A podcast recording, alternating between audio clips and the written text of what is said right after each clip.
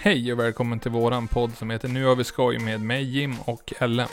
Tyvärr hade vi lite problem med inspelningskvaliteten idag så det kommer pika lite grann på min mikrofon. Men nu drar avsnittet igång och hoppas ni har en förträfflig dag.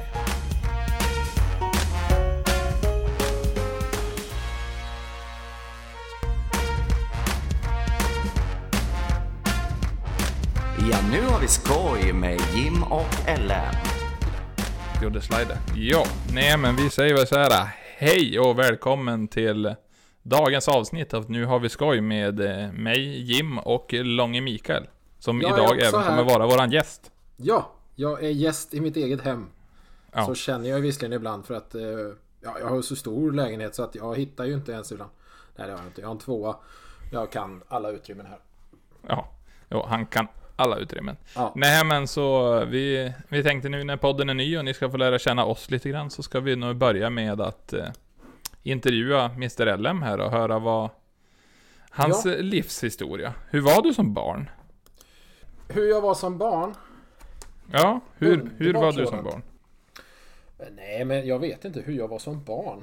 Ja, lite kortare än nu. Men i övrigt så var jag väl eh, som jag... Ja, som alla andra. Nej men... Eh, fan. ja, från allra första början så är jag ju född i Vänersborg.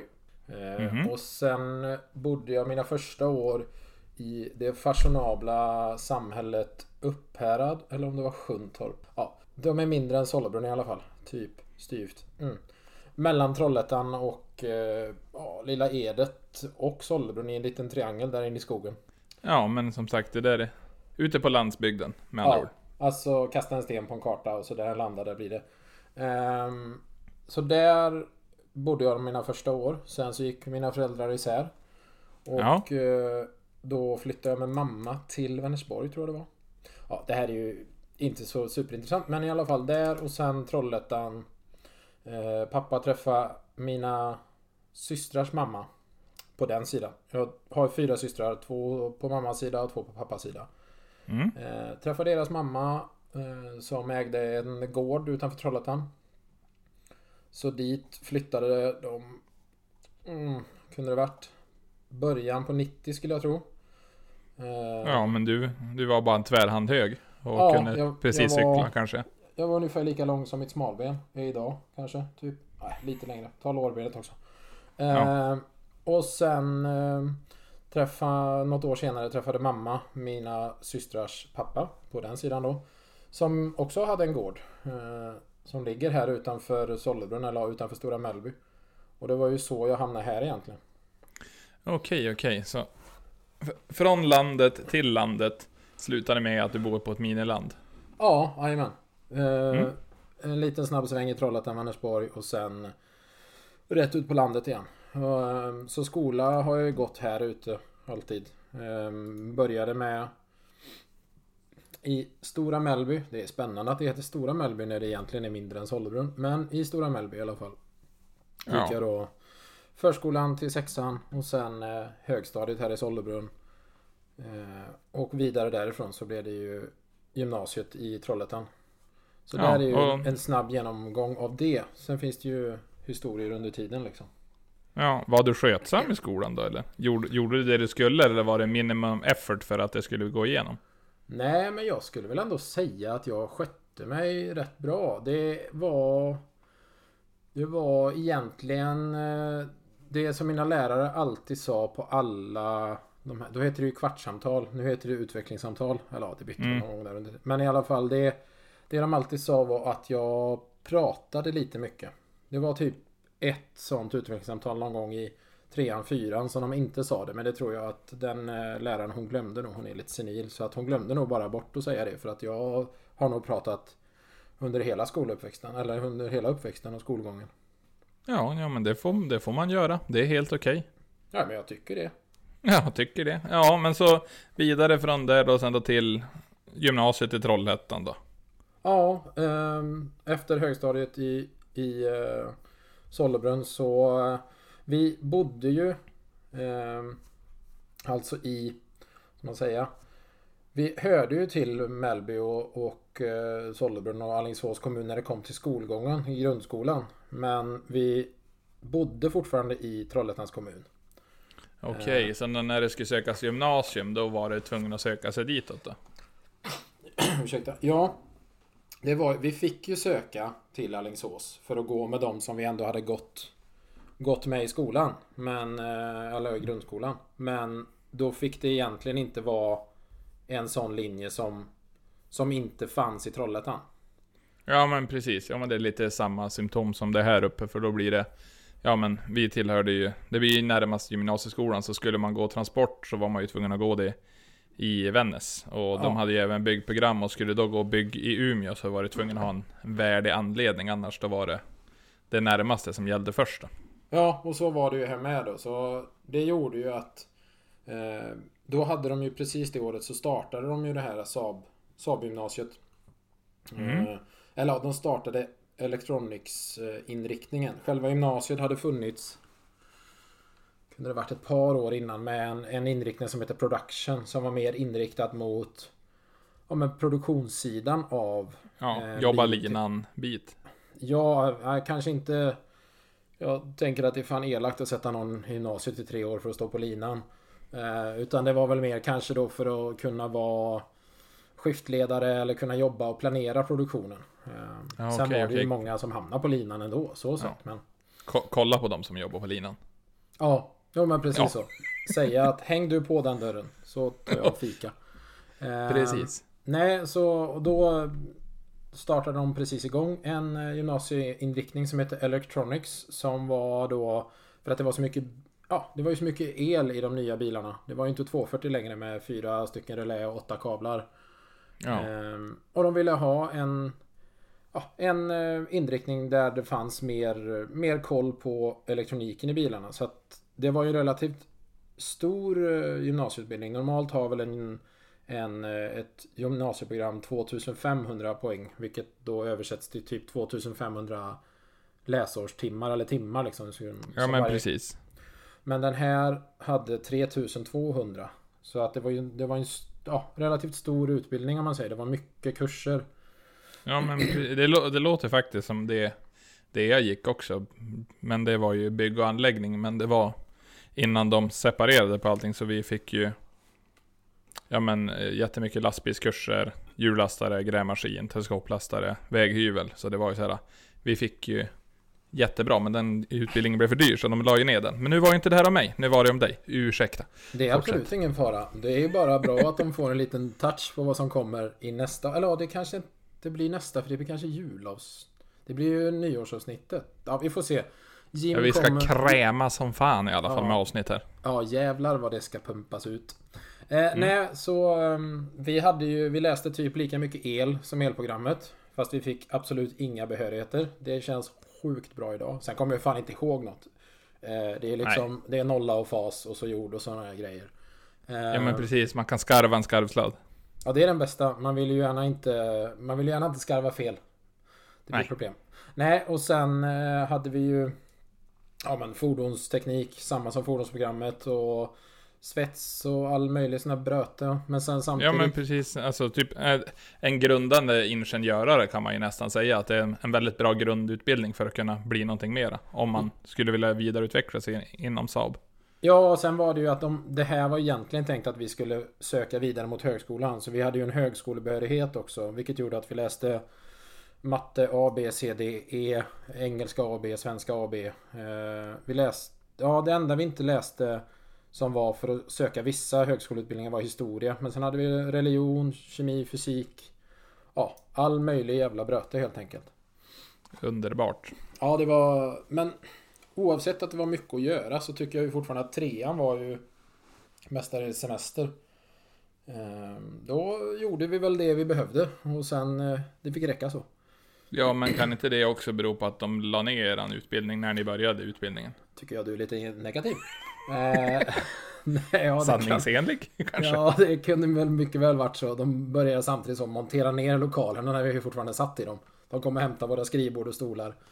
Eh, Vi fick ta Ja. med egna pennor. Nej men eh, det var ju självklart eh, en anledning till att de inte drev hårdare. För som sagt, när vi då hade börjat gymnasiet så, så ehm, tre månader in i våran gymnasieutbildning så varslade ju Saab jättemycket. Och det var typ 3000 anställda eller något sånt här. Vilket då gjorde att de drog åt svångremmen och behövde skära ner på allting. Så att efter oss så var det ju bara en klass av inriktningen production då som gick året efter. Sen la de ju ner linjen helt. Sen var det bara sop slut. Kurtusch. Ja, Låste sen grinden. var det som sagt Ha det gött i Nyköping. Hej. Ja, visst ja. Det var ju där ni fick uppleva Nyköpings uteliv.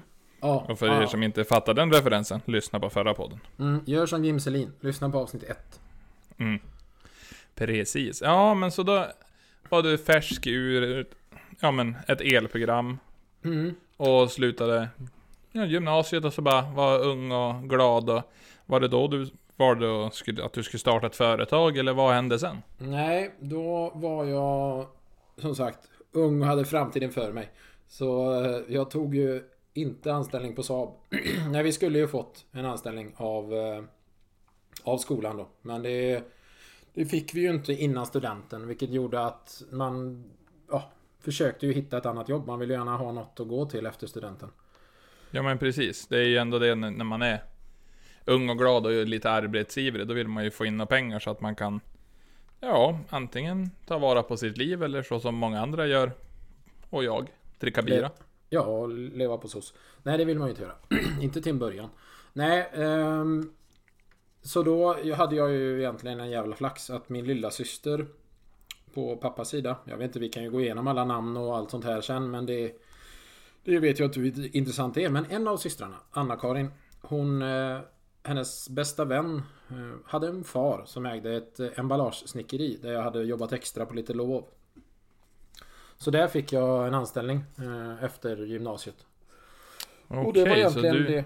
Ja, så jag... du sn- snickrar lådor? Ja, jag gick ifrån att vara en av Sveriges 16 utbildade bilelektriker till att snickra emballage.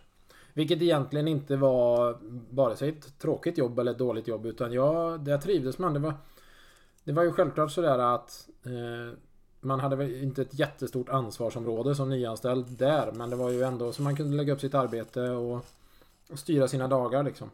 Ja men ändå ett gött kneg Alltså man, man åker och jobbar och det Det är ordning och reda om man får, får saker gjort och så åker man hem och så är det bra så Ja, och det var ju ändå med Alltså bra arbetskamrater. Ehm, en av mina nära vänner här i Sollebrunn började jobba på, på samma jobb, eh, Tobbe. Han, eh, det var väl egentligen eh, för att vi sökte folk, eller ja, eh, emballageföretaget sökte folk. Och då eh, så löste det sig så att Tobbe kunde börja jobba där. ja, Och det, det är ju, Smidigt Ja, men det var det. Då fick vi ändå möjligheten att kunna samåka och då även om man då kände de som jobbar där så var det liksom skönt att ha någon som man kände väl liksom. Ja, men det, sen, då, det, är- det är ju just det när man är... Man får en liten sammansvetsning när man, när man har ett liv utanför jobbet också. Ja, nej men precis är det så. Så det... Nej, det var... Jag jobbade där. Det här var ju då tog studenten 2005. Eh, och sen var jag ju... Helskotta. Ursäkta. Vad fan. Man är ju fräsch. Nej. Nej, jag vet. Du får klippa och klistra där. Eh, nej, men eh, efter eh, ja, 2005 började jag där och 2006 på våren så åkte jag och eh, två kompisar till Thailand. Eh, Robin och Jonas. Det var egentligen inte... De hade väl planerat att att åka dit och jag kände mer att fan vad skoj, jag hänger på. Och så var det. Det var egentligen bara en två veckors resa, inte något mer avancerat än så. Ehm, så vi hade en flygstol ner och åkte dit. Och då var vi bland annat på Pippi. Eh, Pippiöarna utanför Phuket. Och sen var vi inne i Phuket. Ja. Eh, och detta var ju våren 2006. Och, Ja, men det, ni var mer bara som på en, en grabbresa. Drack lite bira och sola och hade det bra. ja. Jo men absolut. Vi... Eh, ja men sån där standard Thailands grej liksom. Man, eh, Ja, men precis. man var ju inte så gammal.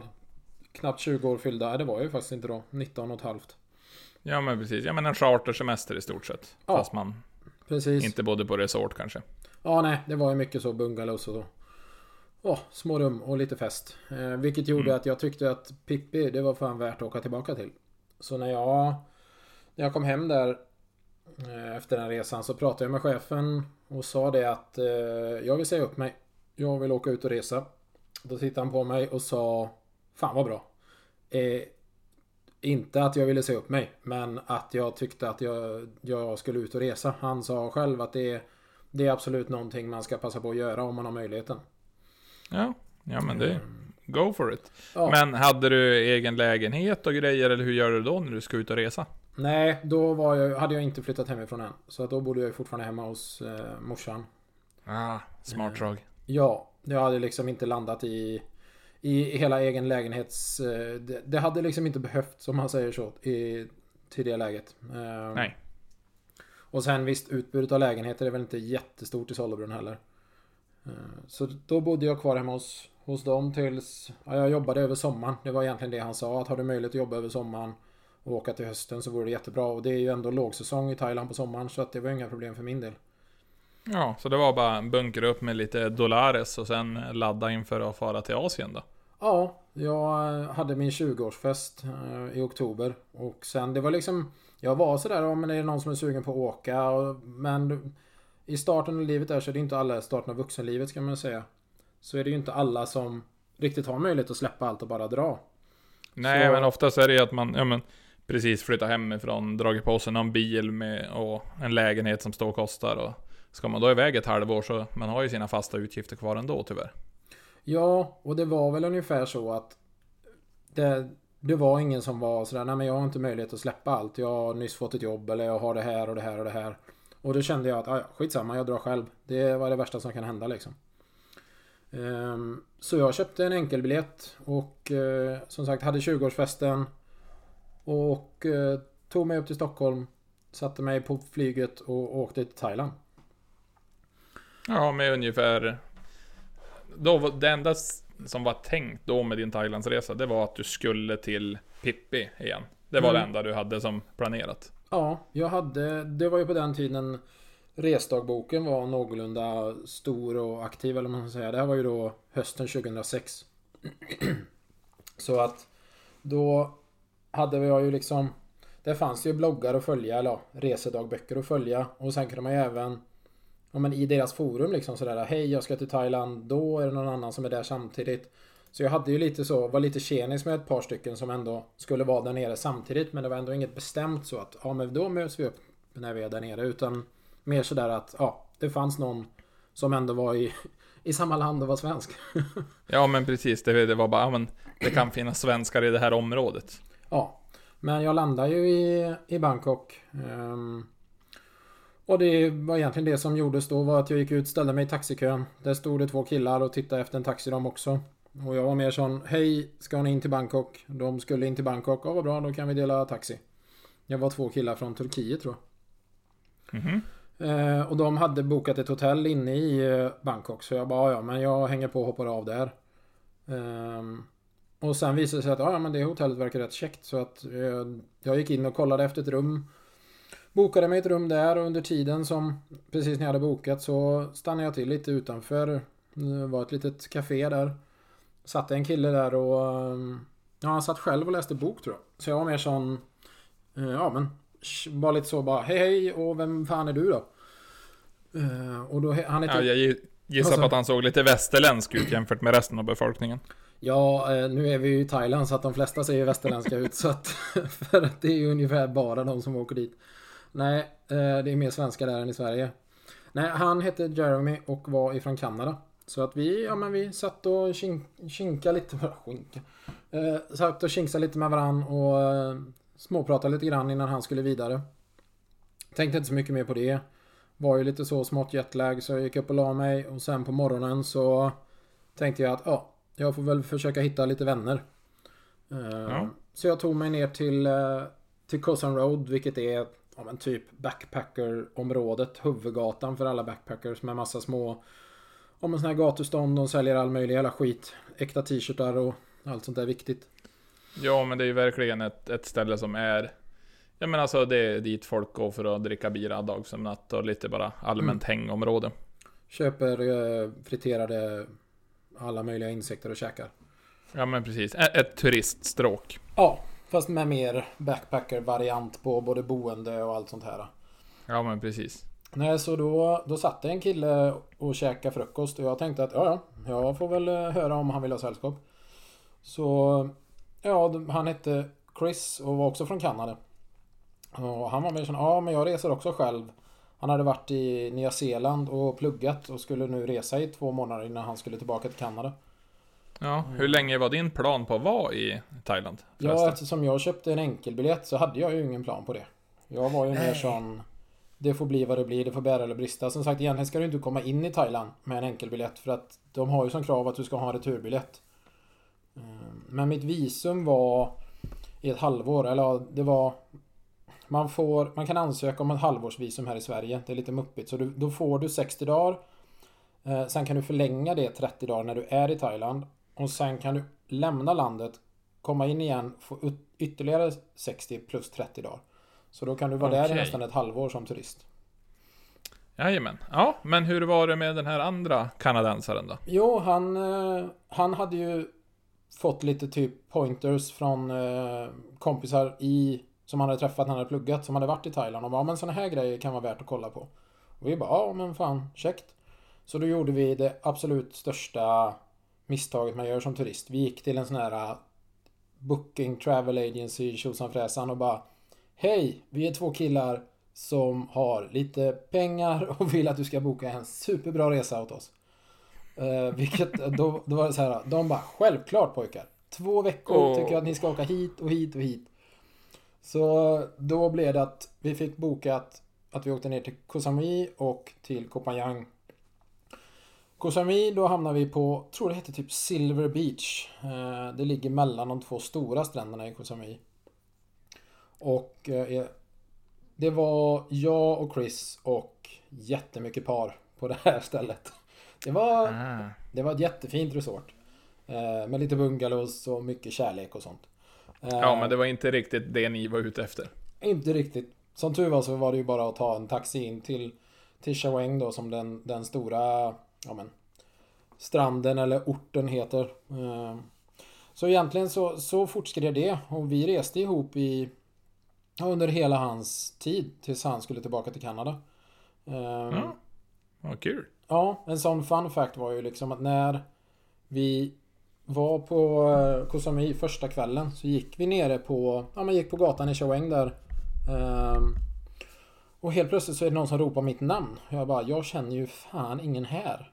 Men då visade det sig att då var det den kanadensiska killen som jag hade stött på i Bangkok som satt utanför ett 7-Eleven där med sina andra kanadensiska kompisar och kände igen mig.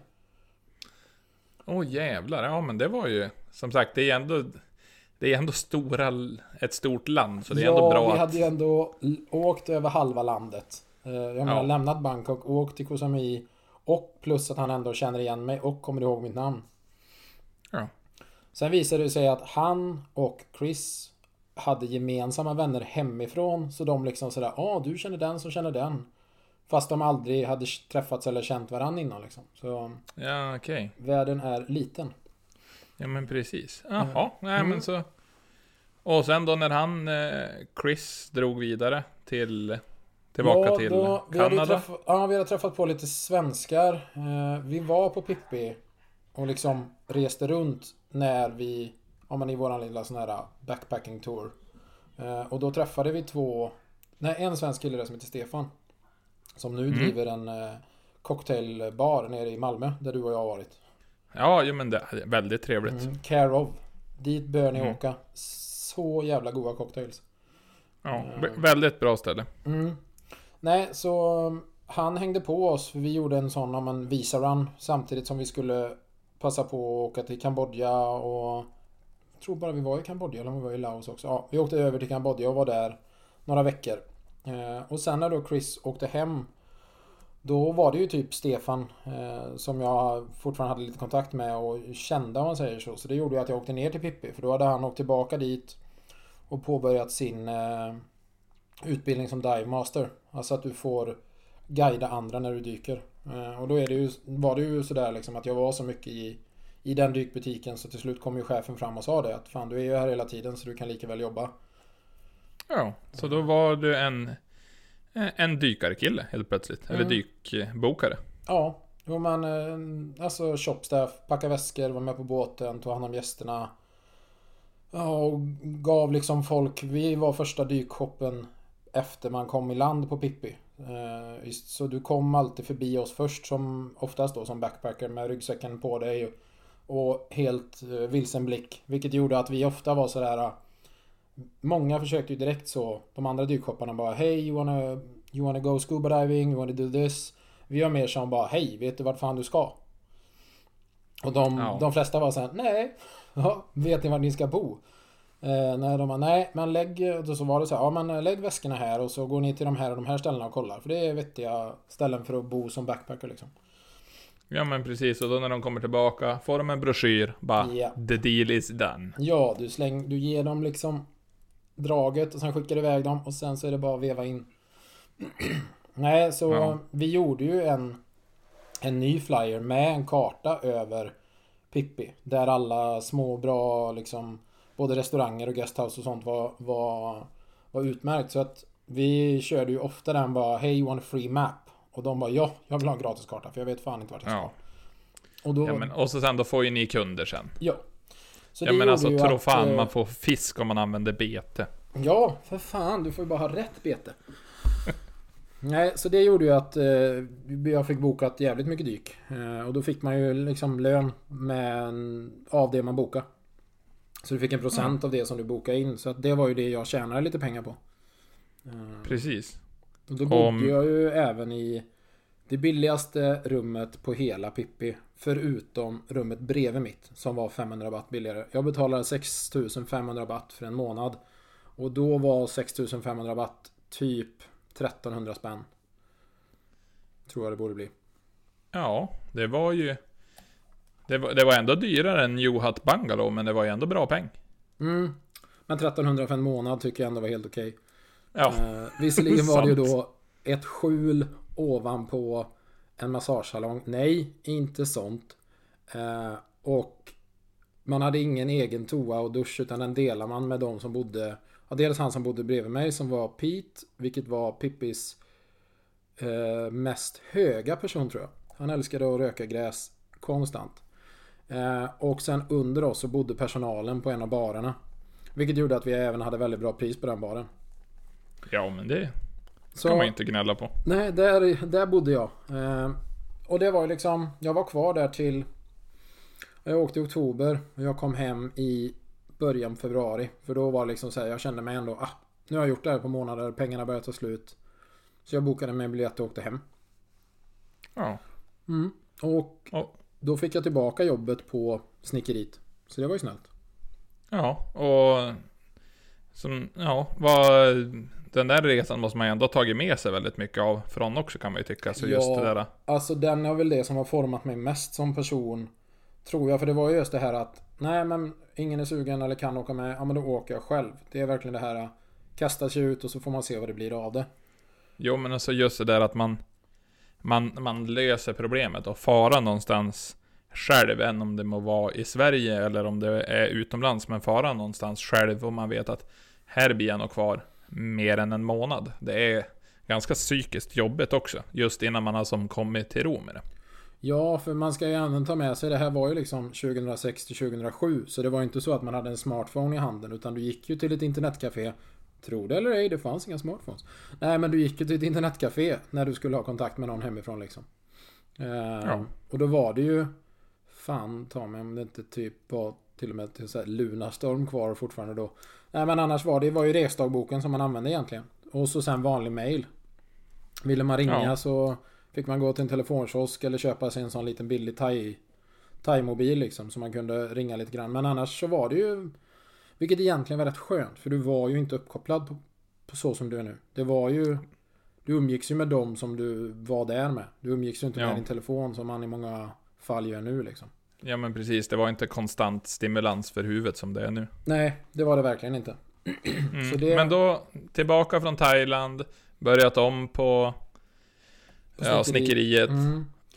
Och sen eh, när, vi, när jag började där igen så... eh, Ja, alltså livet rullar på som vanligt. Sen på sommaren eh, så hade vi en återträff med många av de som hade jobbat, som dels man hade jobbat med och träffat där nere i Thailand. Ja. Det är eh, en av mina närmare vänner idag. Andreas, även kallad greken. Eh, Just för att han, han är grek. Eh, Han bor i Trollhättan idag. Men han var dykinstruktör på den shoppen där jag jobbade. Och det är han som har lärt mig att dyka. Ja, men precis. och eh, han hade drog ihop en, en reunion för att det lokala bandet eh, Made in Thailand heter de. Ett, ja, men typ thailändskt coverband. Spelade mycket rockcovers. De spelade på Rolling Stone Bar på Pippi. Och på somrarna så spelade de då på eh, Åland. På... Åh... eh, ja, som jag har glömt namnet på. Men en, en rockbar på Åland. Ehm, Så då Så- drog vi ihop en återträff där med jättemycket, jag tror att vi var typ 25 stycken. Ehm, Okej, med, ja, med folket ifrån Thailand då. Ja, precis. Så, ja, bara svenskar visserligen, men vi hade alla träffats där nere. Det var liksom den gemensamma nämnaren. Och där, då sa Andreas det att nu, då hade han flyttat till Norge när han kom hem. Och då var han mer sån, ja men eh, kom upp och hälsa på i Norge. Och jag bara, ja, varför inte? Eh, Han bara, han du kan ju flytta dit. Jag bara, "Pff, ja, det kanske jag kan. Så jag åkte upp och hälsade på honom en vecka där och då bodde han ihop med en kille som heter Johan. Eller Nisse som han kallas. Ehm, Då var Johan bortrest. Jag tror knappt jag träffade honom. Men i alla fall, då var jag i Norge några dagar. Och kände att det här var ju lite ballt. Eh, Så då åkte jag hem och sa upp mig igen. Den här gången var Underbar chefen- anställd. Ja, den här gången var han kanske inte lika nöjd, men han förstod det. Ehm, Så det här var ju sommaren 2007. Och då flyttade Och så jag... du hade va- varit hemma i ungefär ett halvår och sen då drog du igen. Ja, jajamän. Vad Jag körde över sommaren då med, så jag flyttade till... Åh, flyttade jag då? Typ... Ja, någon sväng, någonstans på hösten där. Eh, september skulle jag tro. Ehm, ja, och så- vad gör man som sven- svensk i Norge då? Skalar du banan? Nej, man varken skalar banan eller räkor. Då bodde jag i Oslo. Så att eh, det är ju högre upp i Nordnorge. Det är mycket räkor och fisk. I Oslo är det mest lagerjobb, telefonförsäljare, allt sånt här bröte. Men eh, kontentan, summa summarum så kom jag hem med mindre pengar än jag åkte dit med. Men jag hade jävligt skoj. Ja. men det, det, så brukar det vara oftast när jag far någonstans också. Jag har aldrig, Jo, aldrig farit någonstans och tjäna mer pengar. nej men alltså nu var ju ändå tanken att jag skulle åka till Norge för att tjäna pengar. Men ta lilla killen från Sollebrunn, eller liten och liten, men ta någon som ändå är uppväxt i en ort där det inte händer så mycket. Och så placerar han fem minuter ifrån Karl Johan i en lägenhet med två andra killar som älskar fest. Eh, då, blir Det det är inte, fest. då blir det inte jättemycket pengar sparat. Nej, men kul hade ni. Du, det hade vi absolut. Vi, eh, vi bodde i en fyra på 100 kvadrat. Eh, vilket gjorde att för att klara av hyran, den var inte jättedyr. Jag tror att vi betalade 12... Jag tror den låg på 12 000. Eh, då hade vi ju inneboende liksom. Så att jag tror under den tiden jag bodde i Norge så bodde det aldrig mindre än fem personer i lägenheten. Eh, som mest tror jag vi var typ åtta. Det var sånt riktigt Sverigekollektiv. Ja, ja, men då kom jag hemifrån Norge och vad, vad kände du dig rotlös och ville tillbaka till snickeriet? Fick du komma tillbaka till snickeriet? Nej, Norge var jag kvar i... Jag flyttade hem 2008 på... På sommaren, ja, jo på sommaren. För vi var i Thailand en sväng med dem som... Eh, och med, med greken och, och Nisse och ett gäng till. Vi var i Thailand och reste runt i Asien våren 2008. Eh, Det hade vi planerat rätt länge den resan. Eller länge och länge. Men vi hade planerat den sen, sen jag egentligen flyttade till Norge. Ja. Ehm, och det gjorde ju att Ja, då, då fick man ju, var man ju iväg några månader. Ehm, sen så blev jag kvar på eh, Det här måste ju varit Gili Trawangan nere i Indonesien. En liten pluttö. Där eh, vi reste ihop dit ner och där nere var även ett par andra svenskar och norrmän. Ole bland annat och Ville, eller Anders, men han heter Wilén så Hans namn blev Villa Like a Big House. Ehm, det var enklast att förklara hans namn så. Okej. Ja. Ja, eh, jag blev kvar med dem på den här lilla ön medan resten av sällskapet reste vidare. Ehm, Och då var jag... Jag var nog på Gill i tre eller fyra veckor tror jag. Eh, Varav jag under den tiden hamnade i lokaltidningen två gånger. Eh, På grund av? på grund av att jag är en sån fantastisk människa. Nej, jo det är jag absolut. Nej, men först och främst var det väl för att eh, jag var full i 100 timmar i sträck. Eh, det var ju inte riktigt det som var tanken, men under tiden vi var där, det är ju en, en ö med mycket dykning. Ja. Eh, Så det var en, en dykare som heter Will i förnamn och efternamnet har jag glömt. Men i alla fall, han skulle sätta Guinness rekord i att vara under vatten längst liksom. Eh, Okej, han utan hade som- bara byta tuber då? Ja, han, nej, han hade en sån eh, rebreather på sig. Alltså en som gör om syre, eller syresätter igen då. Han hade ju vanliga tankar också, men sen hade han en sån rebreather på, på ansikt. Okej. Eh, och då hade han ju som mål att vara där under i 100 timmar. Med samtidigt då att han eh, försökte att samla in pengar till de lokala skolorna på ön. Eller lokala skolan på ön. Som lite välgörenhet då. Och då kände jag att fan, jag vill också göra något kul. Eh, så jag tog min bästa egenskap att, ja fan, kan ju vara full i 100 timmar då. Eh, och fick med mig tre andra killar på detta. Vi fick eh, en bar och sponsra oss med 100 öl så vi ändå hade något stadigt att börja med. Eh, De andra de, eh, de droppade av efter första dygnet. Men jag körde på. Det är så jävla korkat. Eh, Men i alla fall jag hade ju... Jag fick... Ett av målen var liksom sådär, ja men... Du får den här hammocken också. Alltså du ska inte sova hemma utan du ska sova i den här jävla hängmattan. Här nere på Ja, men och- Gjorde du också det här för att eh, lyfta Ja. någon sak för lokaltidningen då? Nej, jag samlar ju också in pengar till eh, lokala välgörenheten för fan. Ja, Ah, okej. Mm. ja, ja, ja, ja, absolut. Ja, av typ det jag drack på de olika barerna så la de en likvärdig summa till eh, skolan. Okej. Japp, så, så det finns... Jag har något tidningsutklipp någonstans där jag sitter i baren, för jag hade, gick ju runt med... Ja, det är ju varmt så jag hade ju ingen tröja på mig. Så stod det på ryggen, Drunk 100 hours. Fy fan, det här när man pratar om det så jävla korkat egentligen. Men, ja, Ja, alltså det, är- alltså det är ju inte, det är ju inte ett starkt tillfälle. Eller starkt är det ju, men det kanske inte är ett stolt tillfälle i livet. Nej, ja, alltså jag har det inte på CVt, men jag vet inte fan om man kanske skulle ha det. Nej, så... Så... eh, Nej, men jag körde på. Det finns... Jag hade mitt... Mitt team som såg till att jag hade både vatten och alkohol. Mestadels vatten då, för att alkoholen kunde jag ju lösa mycket själv. Ja.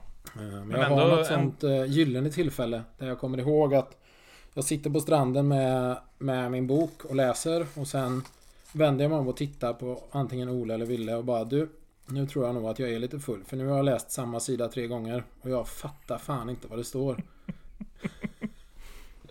Ja, hatar när det händer. Ja, Nej, det är så jävla orimligt egentligen. Men ehm, nej, så det var det var också en, eh, en pers. Det finns någonstans djupt på Facebook begravt filmer ifrån det här. Eh, när jag är typ inne på dag tre, tror jag. Där någonstans. Det här blir ju typ måndag förmiddag till fredag kväll eller lördag kväll. Någonstans där. Ja, men ändå vilken upplevelse att vara full i 100 timmar. Och nu ska vi gå vidare. Vad... Ja, det ska vi definitivt. Mm. Men när du Eh. kommer hem därifrån då? Började vuxenlivet då?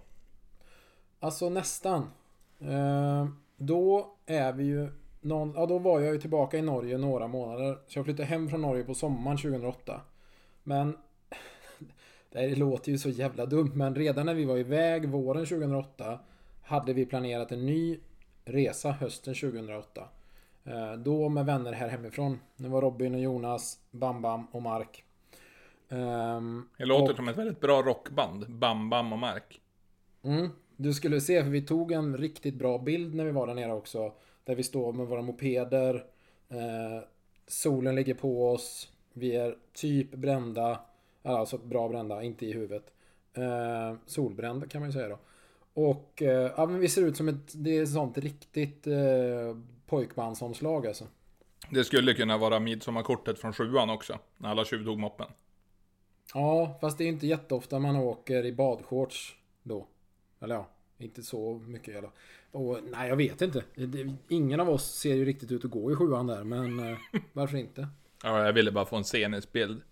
Ja, ja. Scenic picture. Nej, så då hade vi planerat en ny resa. Den finns mycket att, att berätta om.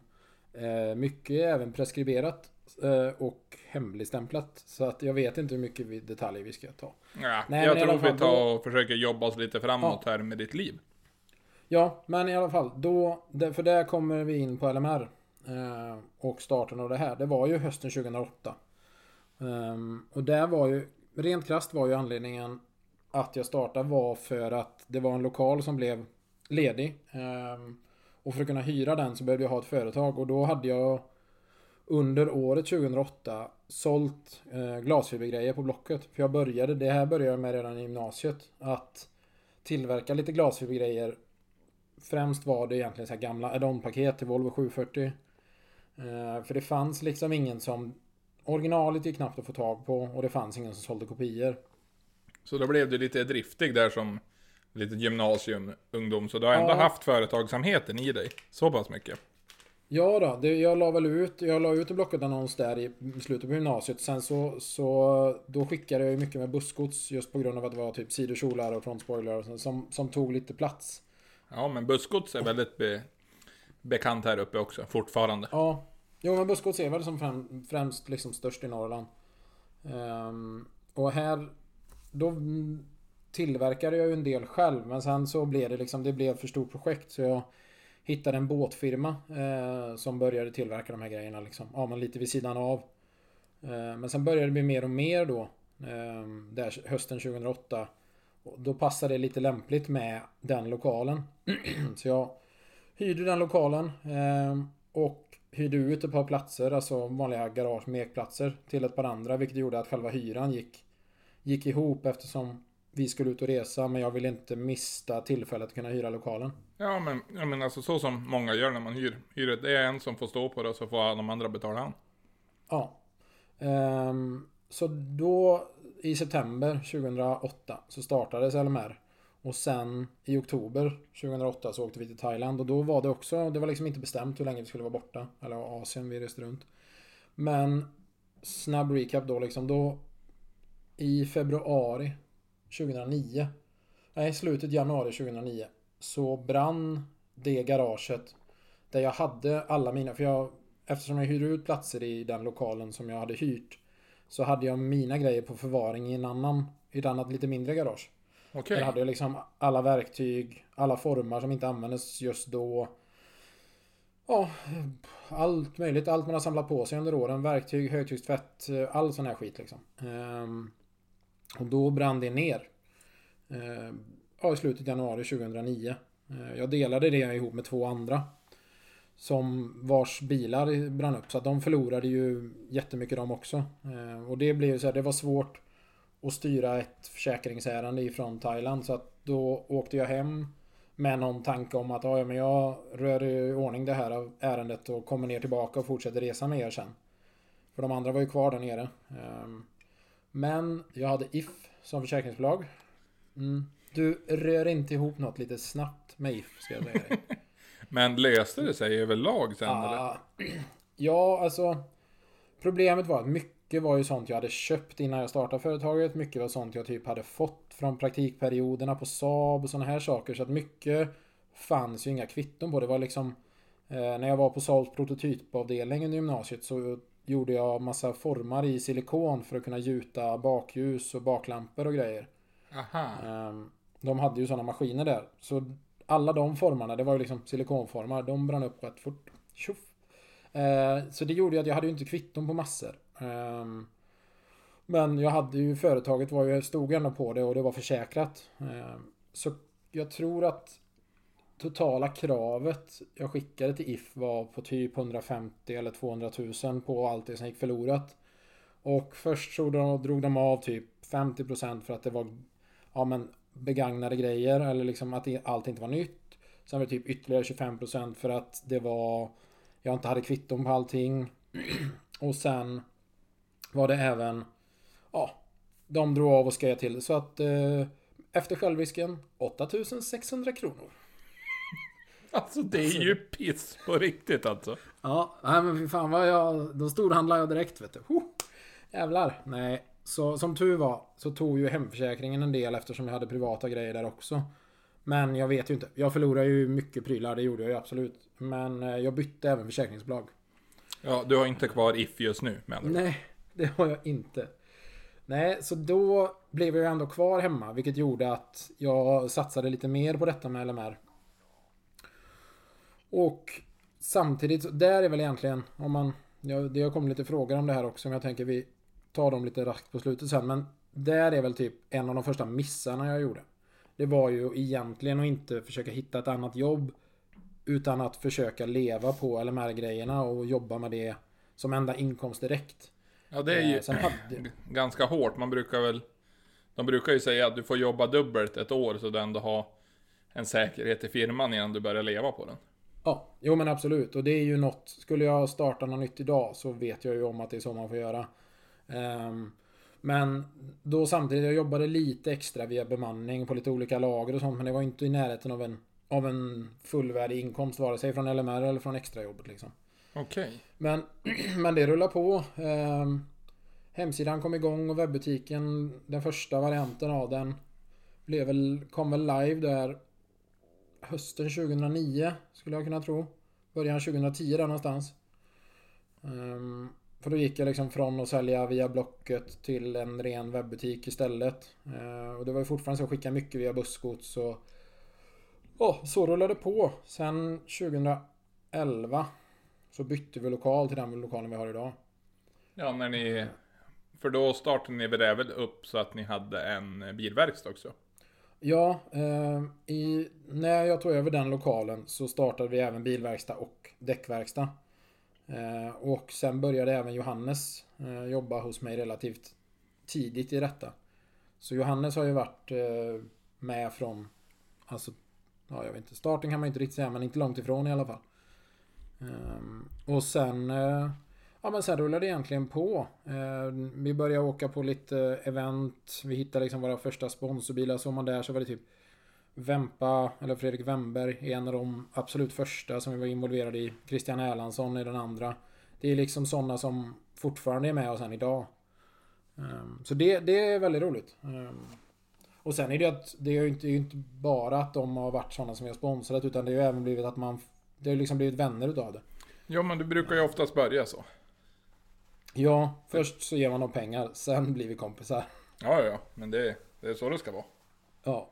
Nej, sen ja, alltså där är ju, sen har ju fokuset varit LMR. Självklart har man gjort mycket under, under tiden, men det har ju, sen de åren så har ju det mesta man har tagit i haft något med LMR att göra. Vad var tanken just med LMR, alltså grundgrejen när du startade? Var det bara så här, ja men jag testar det, eller var det tanken att, ja men jag vill sälja Volvo-delar, eller vad var som grundtanken? När allting jag vet drogs faktiskt igång? inte. Alltså, Det var Det omständigheter sån som gjorde att det blev bara, ja, bara, ja men nu kör vi det här, vi testar. Ja, jo men lite så. Och sen var det just det här. Jag har ju inte direkt haft en affärsplan eller jobbat med budgetarbete under de första åtta åren. Utan det blev väl liksom när jag fick en mentor via Almi och man börjar förstå liksom att ja, företaget växer. En sån här grej måste man göra. Ja men precis, få allting det ju- och... Alltså det blir Ja, så mycket som väl- följer med när det växer.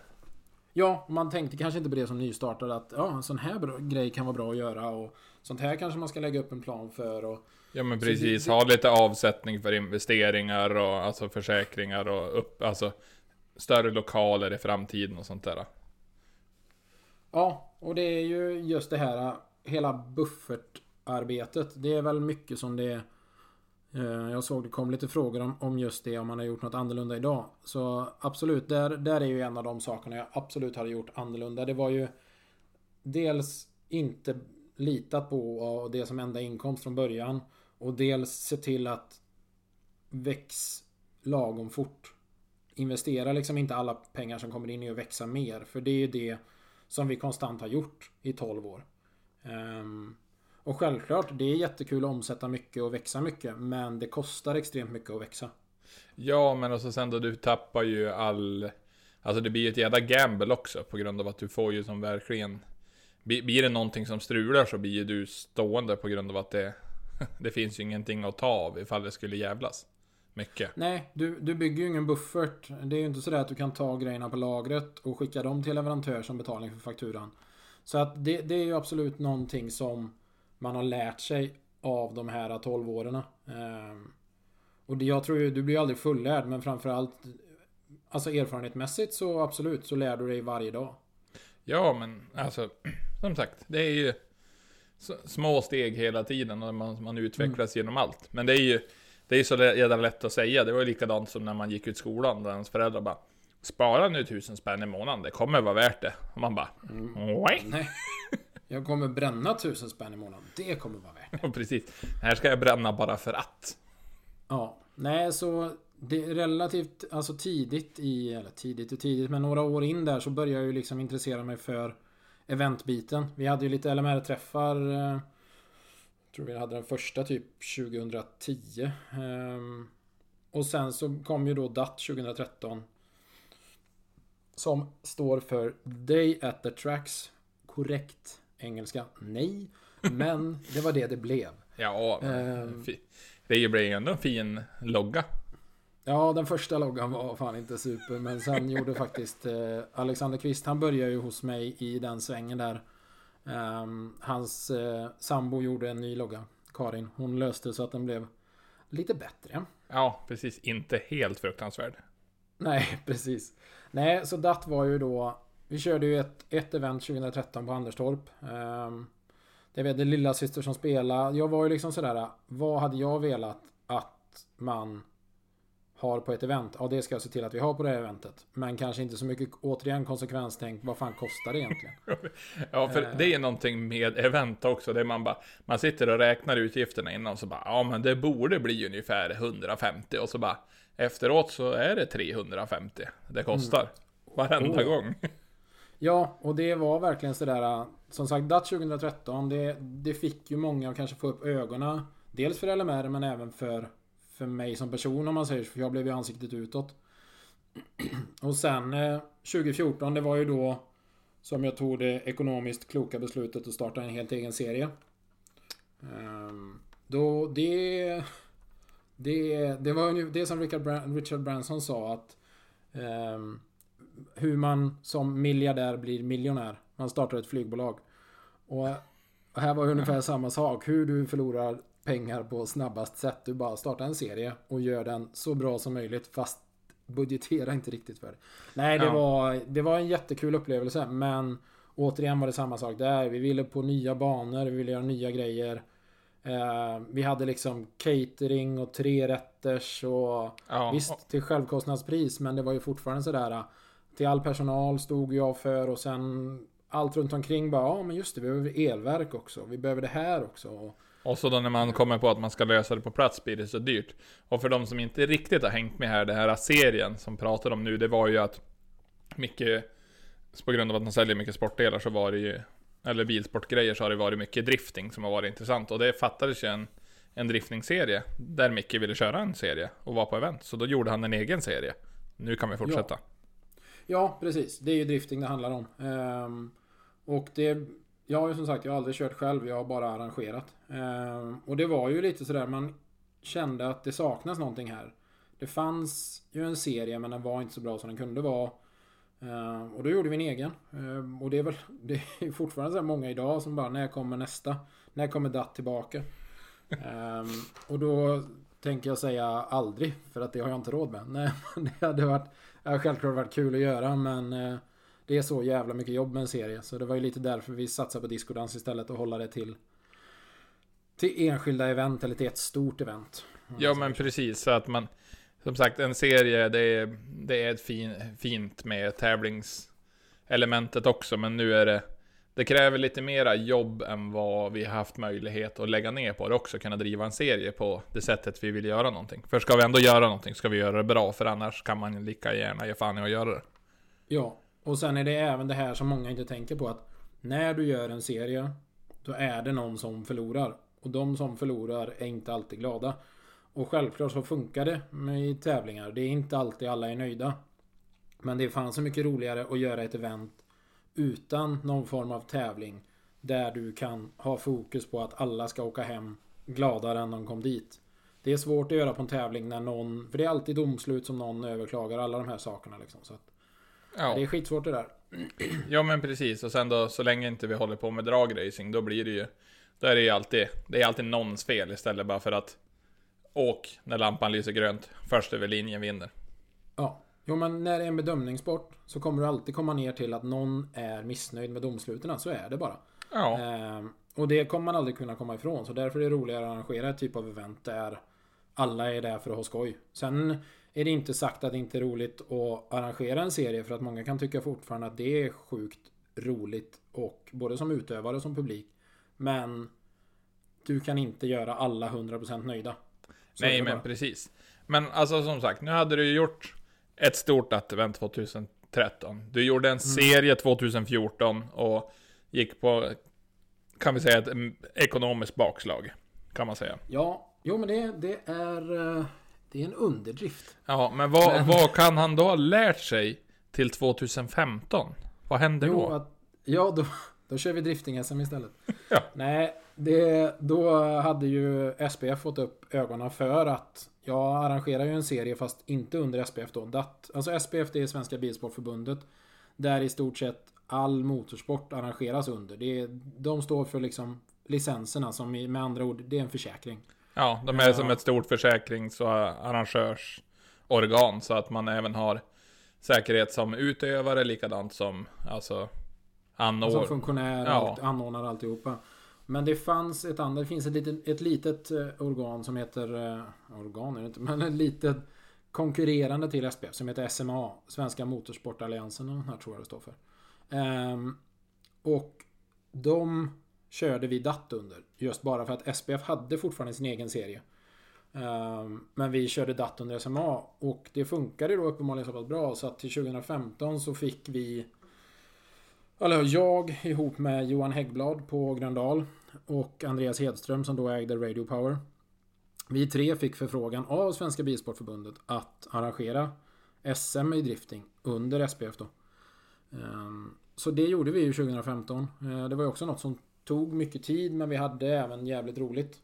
Ehm, och det, det är ju liksom Som sagt mycket Man ser ju det när man diskuterar Tittar tillbaka och pratar om det. Mycket har ju handlat om jobb och event. Det är liksom där mitt liv har, har kretsat sen typ 2013 och framåt. Jo, för det, det blir lite grann det för att då när man är till exempel ute på ett event och det säger att själva eventet äger rum halva fredag, lördag. Så måste man som eventansvarig så måste du egentligen fara hemifrån kanske på tisdag. För att kunna vara på plats, börja rigga och ändå har du lagt två veckor och kvällar på det sen tidigare. Så det blir som en helg kostar egentligen tre veckors uppbyggnad minst. Ja, jo men absolut. Det är minst. För sen är det allt annat som inte folk ser. Så det är liksom, det, det finns ju jättemycket småsaker att gå in på om själva Långe Mikael under de här tiden också. Men det mesta fokuset har ju blivit event och de här bitarna. Så att vi kommer ju säkert komma tillbaka. Man kommer alltid på grejer och anekdoter och saker att prata om. Men jag tänker att för att vi ska hinna med så är väl kanske vi ska gå in lite på frågor. Eh, och så får vi återkoppla till de här bitarna senare för att som sagt, det finns massor att berätta från 2015 och framåt. Det är liksom fem år av mitt liv. Men eh, jag tänker att ni ska ju få ha lite sköj också. Vi ska inte bara sitta och prata om mig. Nej men precis, men också sen då det som är grejen med just den här podden är ju för att de som inte vet vem du är sedan tidigare ska få en liten vart de kan placera den någonstans. Och nu Mm. är han ju hela, han säger att han är 33, men han är 34. Jag ska se hur lång tid det tog innan någon reagerade. Det var ju fan bara en person. Så jävla dåligt. Eh, jag, på, jag la ut ett inlägg där jag skrev att vi skulle spela in podd idag och då körde jag en hashtag med kulkille33. Men Mm. jag fyllde ju 34 för några månader sedan. Men det var uppenbarligen ingen som hängde med på. Så att ja, nu är jag 33. Ja, och det enda vi sa när du fyllde år i fjol, det var att vi skulle fira din födelsedag utomlands i år. Mm. Och hur gick Japp. det? Jo, det var någon jävel som käkade fladdermus. Så det blev inte det. Ja, du Mm. säger det ja. Eh, men jag tänker vi kan kolla på lite frågor som vi har fått in. Ehm, Ja, men vi kan... det, Vad sa du? Ja, eh, jag drar väl igång. Jag har skrivit upp eh, några här. Och sen då, det är ju faktiskt, den har återkommit så här tre, fyra gånger. Det är ju folk som frågar, eh, när du alltid har varit så mycket på event, men det har vi ju förklarat för att du är, har ju varit arrangör och sponsor till mycket bilar, men det är många som undrar varför du aldrig har kört själv. Har det aldrig funnits ett intresse just det, eller har det varit mer som, du gillar bilar men inte sett det värt uppoffringen för att bygga dem själv? Alltså, rent krasst så kommer det väl ner till att Dels har jag bara har jag jobbat med delarna till bilarna. Så jag har inte haft ett intresse av att jobba 8, 10, 12 timmar varje dag med delar till bilar för att sen åka till ett eget garage och skruva med delarna till bilarna. Eh, där kommer nog mycket till. Och sen framförallt är att jag har sålt delarna. Så jag vet vad det kostar att bygga en bil. Så, så det Du, du har ett har vi facit. Ja, nu har vi ju, eller vi och vi, Viktor har byggt den. Men eh, vi har den tillsammans. Vi har eh, våran C30. Så att det är väl liksom det närmaste ett bilbygge jag själv kommer liksom. Och då är Ja. det ändå han som har byggt den. Ja, men Den du målar ju ha- oken ganska Jo, jag dåligt. målar ju dåligt också. Som fan. Skitfärg. Ehm, så den ska jag väl eh, provköra någon gång 2021. På någon stängd yta där ingen ser. Ehm, Ja. Nej, så, så ligger det till där i alla fall. Ja. Och sen då har vi ju fått lite av de här företagsgrejerna och vi har ju gått igenom dem lite grann så här, men Mm. vad det krävs för att eh, driva ett framgångsrikt företag, få företaget att bli framgångsrikt och likadant är det en som har frågat om man som enskild firma, när ska man gå till steget mot ett aktiebolag? Men vi kan väl Just- Ja, alltså det, det kan jag nog bara snabbt... Det, det har egentligen... För jag ombildade till aktiebolag 2015. Eh, och det skulle jag nog säga var lite sent. Det har egentligen med rena omsättningen att göra. Och sådär, börjar det bli hög omsättning, du börjar se lite vinst framåt slutet på året. Det är ju, i en enskild firma är all vinst din lön. Vilket gör att du får skatta mycket högre. I ett i ett AB så kan du ha kvar vinsten med en bolagsskatt istället. Så att märker du att det börjar gå bra ehm, om man behöver inte återinvestera varenda krona så kan det ju vara Nej, värt att gå precis. över till ett aktiebolag. ja, absolut. Sen kostar det ju sådär. Det, nu har de ju sänkt så nu är det ju 25 000 i ett aktiekapital. Så det är ju inte jättedyrt att starta ett aktiebolag idag. Innan var det ju, för några år sedan var det ju 100 000 liksom. Sen gick det ner till 50 och nu 25. Ja. Nej men vad bra, då har vi ju frå svara en fråga på det. Och sen var det även... Eh, ja men vad, vad det är som krävs för att driva ett framgångsrikt företag. Det är, jag skulle vilja säga det lite grann utifrån. Jag har inte håller på lika mycket som dig, men någonting man ser på många som klarar sig bra, det är ju att de faktiskt har en god kvalitet i det de gör. Ja, sen är det väl sådär. Äh, jag har ju aldrig sett mig själv som att det är framgångsrikt. Utan det... Jag vill ju hela tiden framåt att det ska bli bättre. Men det var ju även därför som jag sålde. För att jag hade inte den glöden längre. Så det tror jag nästan är det viktigaste. Du måste ha fokus och glöd och brinna för det du gör. Speciellt om det är ditt levebröd och ditt... Det, det, det blir ju som ditt lilla barn. Eller liksom, du kommer ju lägga ner all din vakna tid på det. Men tycker du inte det är roligt så kommer det heller inte bli bra. Så att det är nästan det absolut viktigaste. Sen är det ju självklart att du måste någonstans även ha någonting där du kan koppla bort jobb. Du kan bara vara dig själv. Det spelar ingen roll om det är att du går ut och går eller att du spelar schack eller att du bakar eller vad fan du än gör. Men du måste ha någonting som tar ditt fokus ifrån jobbet där du bara är dig själv för att hämta tillbaka energi så att du kan vara 100% dagen efter igen. Ja. 110 egentligen. Verkligen. Eh, nu ska vi... Jag har ju även här... Ja, lite andra frågor. Vi har även fått från en av våran fina, vad heter kompis Magnus Eriksson som undrar hur du alltid kan se så fräsch ut dagen efter när vi har varit på stora event och det har varit lite röj och så på kvällarna. Men det är ju, det är väl som sagt god grundfysik och ett högt vätskeintag. Ja, jo, vätskeintag. Fast det ska nog vara mestadels vatten då. Det är ju inte det. Nej, jag vet inte om det är så att eh, våran kära Magnus behöver glasögon. Nej, jag, alltså jag skulle väl inte säga att jag ser så himla fräsch ut. Men sen eh, absolut, man har ju varit... Eh, man har ju, har ju fått den fina gåvan att ha en relativt hög förbränning när det kommer till alkohol. Sen ska jag ju inte säga att eh, det är så fortfarande. För efter 30 så går det utför och det gäller alla. Det finns ingen som kan säga annat. Mm, det går ganska snabbt. Nej, och sen då, vi har ju rört det lite, det var en fråga om hur du håller motivationen uppe och så här för att kunna hantera stress och det, och det är väl, ja, jag vet inte vad du vill säga där riktigt. Ja, alltså just stress. Vi kommer ju in lite mer på, på både mental hälsa och sådana här saker i ett avsnitt längre fram. Nog för att det är en sköjig podd så tänker vi ändå att vi ska röra lite viktiga ämnen med, med en humoristisk touch liksom. Men stress är svårt att uttrycka sig om för att du märker det inte nästan förrän det är för sent. Ja. Eh, Men återigen, du måste ha någonting utanför jobbet som får dig att koppla ifrån jobbet. Det är det absolut viktigaste.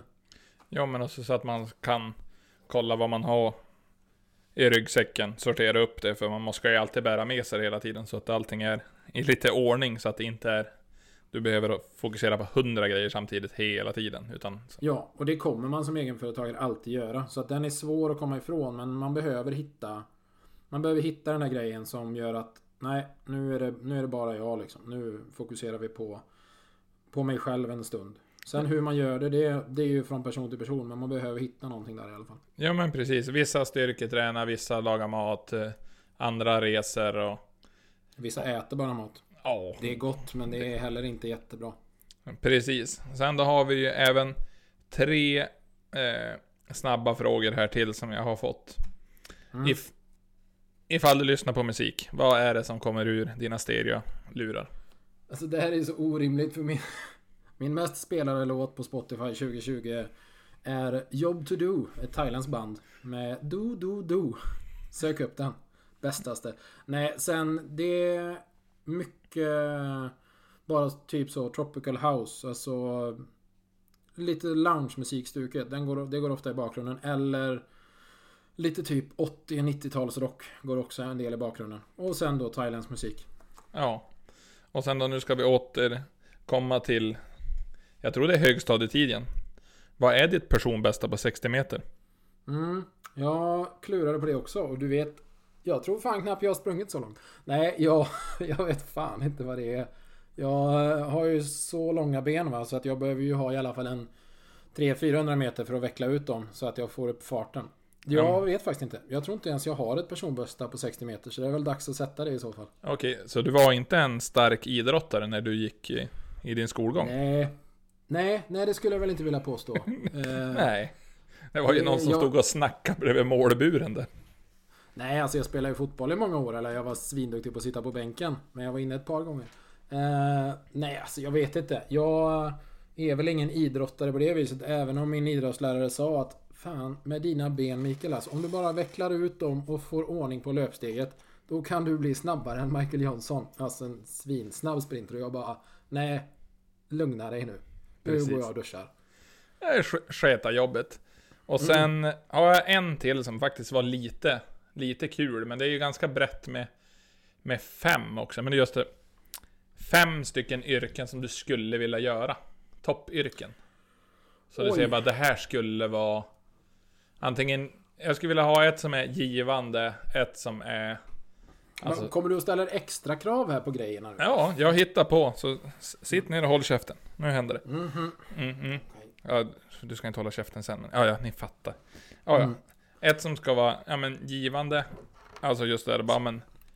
Någonting som, ja men typ lite mera personlig utvecklingsgrej. Och sen är det ett Mm. så här, bara men det här har jag alltid velat göra just för att det är det här. Sen om det är brandman eller alltså antisimex spelar väl mindre roll men. Och sen då någonting som, vad heter du ser, du ser det kunna ha gjort ifall du inte hade gått på den banan du, du gick när garaget brann ner. Oj. ehm, ett yrke som jag typ alltid tänkte att jag ville bli när jag var ung, det var läkare faktiskt. Men eh, det blev inte så av någon anledning. Men det, någonstans har jag alltid sådär bara, det skulle jag vilja jobba med. Ja, Ehm, varför lyckades du få två svar på första frågan? För det är ju typ det mest givande man kan vara, skulle jag kunna tro. Också. Mm. Jo, det var lite det jag skulle komma till. Att jobba med människor måste ju vara det mest givande. Eh, och det är också en sån här grej. Det är fan de som får mest skit och sämst betalt. Det, är, det kan vi ta i en senare podd, men det är fan... Ja, jag kan inte förstå hur personer som jobbar med människor kan ha sämre betalt än personer som jobbar med robotar. Ja, det är faktiskt väldigt fascinerande också. Så, Det är ju skevt. Ja, det är det. Sen sa du vad det hade blivit om jag inte startade LMR som yrke. Ja, jag tror att jag nog hade kunnat fastna någonstans utomlands. Alltså jobbat på ett dykresort eller något sånt där. Men jag vet inte. Det är fortfarande en sån här grej. Alltså du, det blir, du kan göra det ett tag känns det som. Du kan inte göra det jättelänge. Du kan inte vara så surfer dude tills du blir 45. Utan, Nej men precis, man ser va varje år, årskurs som åker till Thailand. Varje år så är det fortfarande samma kille som står där bakom och bara yeah. Mm, ja, men han som har blandat drinkar här nu sen, sen vi var här på charter 2006 liksom. Precis, han som börjar på att bli lite för stor för sina urblekta shorts. Ja. Ehm, nej. Men sen... ehm, jag har ju en, en fråga som, som jag skulle vilja lyfta. Ja, kör på. Eh, och det är den Stefan eh, har ställt inne på Facebook. Om jag skulle ge tre råd till mitt yngre jag. Ehm, och där, jag har försökt klura lite på den sen han skrev den. För den tycker jag är, det är typ den svåraste. Alltså, se tillbaka på sitt liv nu. Självklart finns det saker man vill ändra. Men framförallt så är det nog mer sådär... äh, Jag, hade, jag ångrar ju inte att jag startade LMR, men jag hade kanske inte gjort det så som... Om jag ser tillbaka på det så kanske jag inte hade gjort det på samma sätt idag. Nej, men Om jag hade precis. fått börja om liksom. Just det där, alltså kanske Men- varit på snickeriet 50%, jobba med LMR 50%. Lite ja, eller sådär. bara rest mer till en början. Jag hade ju ändå möjligheten och det är inte alla som har det k- kommer få den. Men jag hade den ändå. Nu har jag ju fortfarande kunnat resa mycket liksom. Sen är det ju det här äh, framförallt att inte ta... Alltså se till att sätta av tid till sig själv. Det inser jag ju liksom nu. 12 år efter att jag startade företaget. Att 110% fokus på en sak så länge. Det, det är inte bra. Det gör, det gör inte bra för dig heller liksom. Nej, Så, för nej, alltså det är svårt med tre råd. Men jag hade nog framförallt det viktigaste är att se till att ta hand om sig själv och, och se till att ta hand om personer i din närhet. För att de kommer alltid finnas där. Om du fortfarande finns där för dem liksom. Ja men verkligen, och så just det där att man och fokusera 110% på en grej. Ifall du då fokuserar 110% på den så kommer du ju bara bli duktigare och duktigare. Så de där 110% kommer ju innehålla så mycket mer inom fem år än vad de gjort det från början. Även fast det, Ja. det blir ju bara som mer för huvudet att processa hela tiden. Ja, nej, men precis. Ehm, sen vet jag inte, hade vi... Jag vet inte om vi hade så mycket mer frågor. Jo, det finns, det finns en hjärtefråga kvar. Det är ju från Ställ den. Ja, det är ju, det är ju från... Det är ju stubben, Slim Jim Selin, som har ställt den. Han frågar ifall man blir mätt... Eller ifall man blir smalare av att vara i USA, som ni gjorde, en då året jag inte kunde följa med, givetvis. Och så får ni en månad, era små svin. Ja, alltså... Det är ju the land of dreams. Och... Eh, eller the land of svinfet mat. eh, det är... Det Ja, man är, ska vara glad att man inte bor i USA på heltid. Det är, vad du än vill äta så finns det och det är aldrig smalmat. Nej, det, den månaden var... Den var plus i... Plus på vågen och minus i plånboken. Men det är väl, det är väl så man ska leva livet. Ja, man får ju ändå se att det är... Det är ändå... Det är ju goda minnen att minnas. Absolut, verkligen. Nej men jag vet inte, alltså nu har vi fått ihop en hel del. Eh, jag tänker här, vi behöver ju ha lite Ja, det blir ju ett ganska grejer också. Vi behöver Ja. ha veckans spaning. Har du spanat på något nytt den här veckan Jim? Ja, alltså jag har väl spanat, just så här lista ut bara, oh det är fan snart jul. Och sen då... Ja. Krävs ju lite, ja. Oh, absolut. men precis, alltså man har ju ändå en kalender som räknar ner hela året och så helt plötsligt bara oh, nu är det nära igen. Nej men annars är det väl inte, ing- inga större riktigt sådana där superspaningar. Sen, sen förra veckan har jag bara hållit på och greja lite grann och försöka få till mitt inspelningsrum här. Beställt hem någon ljudisolering så det inte ska eka lika mycket och satt och lekt med redigeringsprogrammet. Men nej, annars är det, det är ga- ganska lugna puckar. Det är väl bara försöka bolla fram lite nya idéer så att vi kan faktiskt eh, släppa lite poddar där framöver. Det har väl varit mitt lilla fokus förutom att, att jobba. Ja. Det är helt rätt. Ja, man försöker sådär plocka med lite skojiga grejer man kan nämna. Ehm, och ja, ja, det enda jag såg, det var lite skoj. I tisdags så rymde det en gris som var ut... När den var på promenad med sin ägare så slet den sig och rymde. Det är inte ofta man går med en en en och en halv meter lång gris i koppel på promenad. Alltså en sak som jag vill faktiskt säga. Nu om ni har lyssnat så här långt också, ni som lyssnar. Tack för att ni lyssnade så mycket på vårt första avsnitt och hoppas att ni har tuggat igenom det här även fast det har varit väldigt mycket info som har blivit tryckt in i era små köttiga huvuden. Ja, alla har ju inte köttiga huvuden. De kan ha vackra huvuden också. Ehm, nej, men precis som Jim säger. Sjukt stort tack att ni lyssnar. Ehm, och vi ska självklart se till att det blir mycket skratt och mycket skoj. Men vi tänker det är bra att få avhandlat vilka fan vi är. Så ni vet lite när vi drar referenser och såna här grejer. Hur vi har blivit som vi har blivit och varför vi har blivit som vi har blivit. Ja, för annars hade vi bara kört på och bara dragit referenser bakåt så hade ju ni bara trott bara vad är det här för några jävla mytomaner som så har varit och gjort det och det och det och det och det. Och alltid kan Ja. referera. Och vi skulle aldrig ljuga. Herregud. Vi far inte med osanning, ska jag säga det. Nej, nej, nej. Nej, men jag tror väl att vi eh, är någorlunda nöjda där. Är det någon som känner att du inte fick sin fråga besvarad så eh, förlåt. Förlåt. Ja, ja, men nu var den chansen över. Kanske kommer igen, mest roligt inte så. Nej, vem vet. Kan Ja. bli något nytt framåt nästa sommar kanske. Mm, och känner ni att ni har något ämne ni vill lyfta eller sådär så kan ni mejla oss på nuharviskoj.gmail.com Och så finns vi även på Instagram och vill man stödja podden, stöd podden.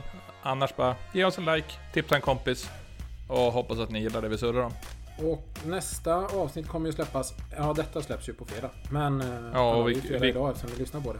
Men Precis. nästa efter det släpps ju efter jul. Så vi vill ju bara även passa på att önska alla en god jävla jul. Och så håll avstånd till mormor och morfar, farmor och farfar. Ja, och har ni inte köpt några julklappar så Det- Ni kan det skänka okej. pengar till Unicef. Det är fan mer värt. Ja, faktiskt. Det är... är ja, nu pågår ju även Musikhjälpen som jag stöttar väldigt mycket, men jag har inte varit lika involverad i år. Men alltid Nej. annars så har jag ju min familj inte fått några mycket julklappar, utan fram tills i fjol så har jag skänkt 500 kronor var åt dem på Musikhjälpen istället. Och så sitter de där på julafton. Ja, men julknapparna. Och så jag bara, men här, ni har skänkt pengar. Var glad. Det är eh, den bästa gåvan. Ja, jag för vill som gärna sagt- ha någon julklapp, mamma. Precis. Hon bara, i soporna med den här Playstation 5. Skicka tillbaka. Nej, men nu ska vi sluta köta för att nu har vi hållit på bra länge. Vi hörs och syns. Ha det så jävla bra. Ja, men du, tack och bock